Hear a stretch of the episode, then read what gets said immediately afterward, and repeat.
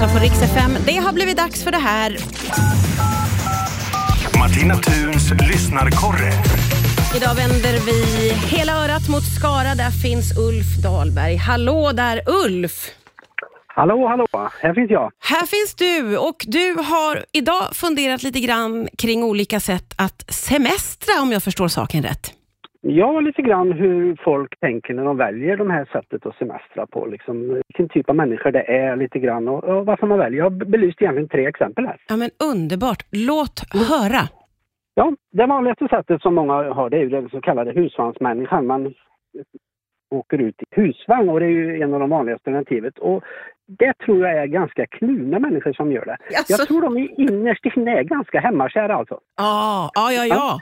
Mm, De gör miniatyrer av sina, eller kopior av sina hem på rullande, i rullande form så att säga. ja. Och, och, och, då har man ju även, även gjort små trädgårdar och sådana saker. Och, och lite borta bra men hemma bäst fast ändå inte. Ja men verkligen. Det är broderade små tavlor och det är inhägnader Ja. för hundar och Ja. hela konkarongen. Socialt är de ganska hög kompetens de här människorna. Ja, men det ska grillas och spelas kubb och det ska pratas och det ska mysas och drinkas och dittan och dittan. Vet du. Så det, de, människorna är ju rätt sociala tycker jag Ja. generellt. Ja.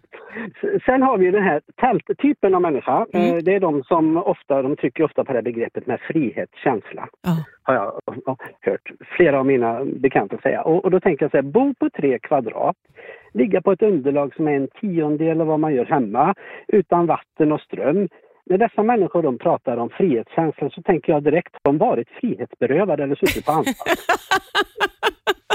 Ja, jag är benägen att hålla med. Det känns inte alls som att det har något med frihet att göra. Ja, med, med tanke på att de, vad de definierar med frihetskänsla.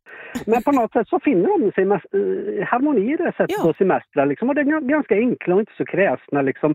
Även om det liksom har regnat kanske tio dagar under hela semestern och, och tältet flyter runt som någon miniatyr av Viking Line-färja så klagar de liksom inte och tycker att det är ju bra för svampbeståndet och, och minskar brandrisken. Liksom. Väldigt de här positiva. människorna- Väldigt positiva människor. Och, och, och sen har vi den tredje typen då, det är de här hotellmänniskorna. Ja.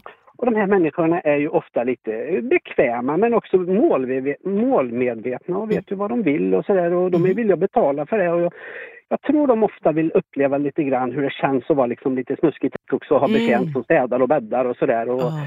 Och sådana saker. Eh, Men så har de väldigt mycket åsikter de här människorna. Varför är handdukarna för små? Varför är hotellet byggt i söderläge? Och varför finns det ingen vegansk tvål på toa till exempel? Och, och, och, och, och, och konsekvensen att de här människorna har så himla många åsikter har jag konstaterat, det ser man på frukostbuffén. Jaha. Ja, förr i världen så fanns det liksom tre pålägg. Nu finns det liksom 103 pålägg. Ja. Och det tror jag berodde på att någon tyckte att den där skinkan man fick, den var liksom lite för kraftigt rökt. Så nu har man ju skaffat mellanrökt skinka, lätt mellanrökt, halvt lätt mellanrökt.